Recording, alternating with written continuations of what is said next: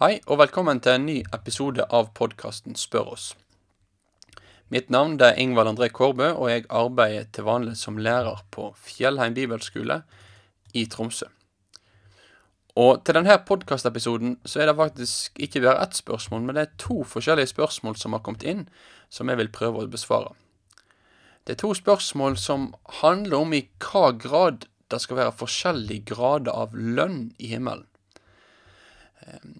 Og er det sånn at det er mulig for oss å si noe om i hva grad en kristens gjerninger kan ha evighetskonsekvenser? Helt innledningsvis så må jeg bare kunne si at Bibelen gir oss ikke noe fullstendig innblikk i akkurat dette her med hvordan det skal være for Guds folk i herligheten med tanke på ulike grav, grader av herlighet osv. Men, men det er en del aktuelle bibeltekster som likevel kan være med å kaste et lite lys over det for oss.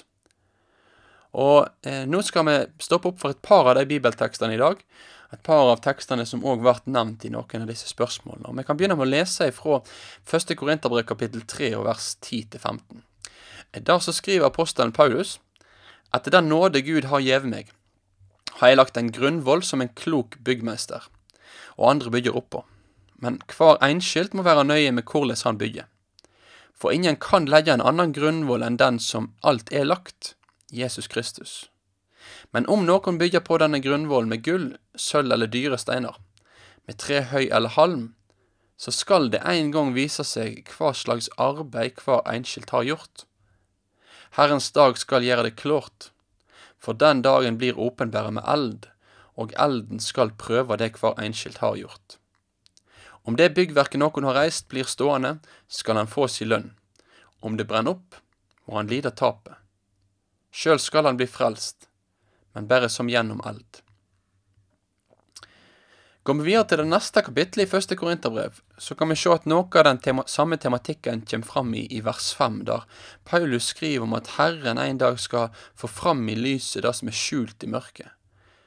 Han skal vise hva mennesker ber i hjertet, og da skal hver og én for sin ros av Gud. Når vi nå leser disse versene her, betyr det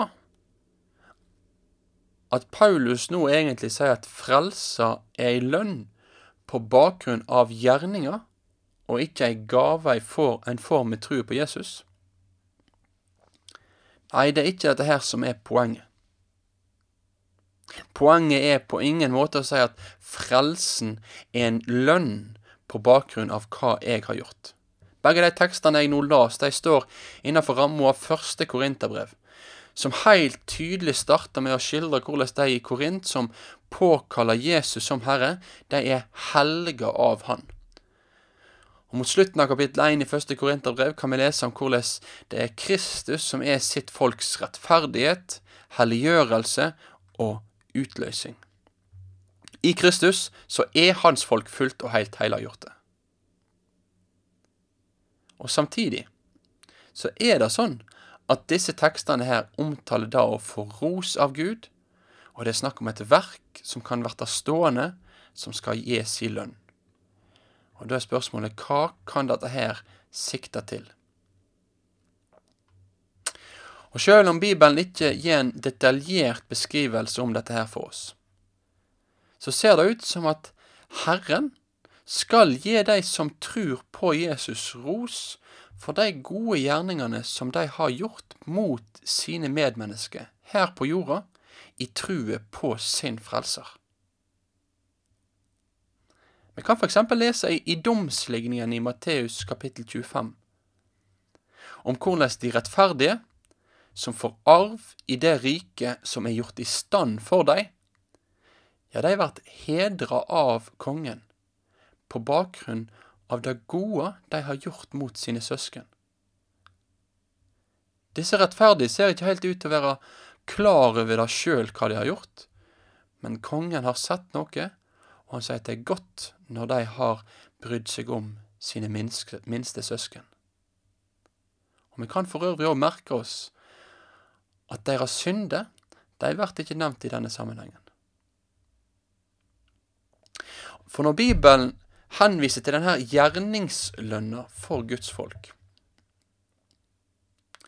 så, så, er det ikke sånn at motivasjonen bak å henvise til det, det er at eh, en nærmest skal bruke det som et påskudd for egoisme. Der noen skal skryte og løfte seg oppover sine medmennesker i Guds evige rike. Der mennesket skal gå rundt her på jord og tenke at ok, jeg må gjøre sånn og sånn og sånn, eller jeg vil gjøre sånn og sånn og sånn, for at da kan jeg bli litt bedre enn andre i himmelen. Det er absolutt ikke det som er poenget. Det er absolutt ikke det som er hensikten når det er snakk om denne rosen. Det er noe helt annet. Og sånn som jeg ser det, så er det to viktige perspektiv som skinner gjennom når Bibelen snakker om den rosen Gud skal gi, og den lønnen Guds folk har i vente i himmelen. For det første da i seg sjøl at Gud faktisk vil anerkjenne hva som er godt. Det handler nemlig om at det er noe som er godt i Guds øyne, og som er til glede for Han. Peter han skriver i 1. Peters brev kapittel 2 om at Guds folk er et heilagt presteskap, som er kalla til å bære fram åndelige offer som Gud tar imot med glede ved Jesus Kristus. Det er bare ved et liv i trua på Jesus Kristus at et menneske kan være til glede for Gud. Men den som lever et liv i trua på Han, kan få gjøre godt mot sine medmennesker, og det er noe som Herren fryder seg over. Og For Guds barn så kan dette her òg få være en motivasjon, en bakenliggende årsak til å gjøre godt. Fordi Han som elsker meg, og Han som har omsorg for meg, han vil det gode. Og han vil òg en dag si at det var godt. Det andre punktet. Det står en litt spesiell tekst i 1. Tessalonikerbrev kapittel 2 og vers 19.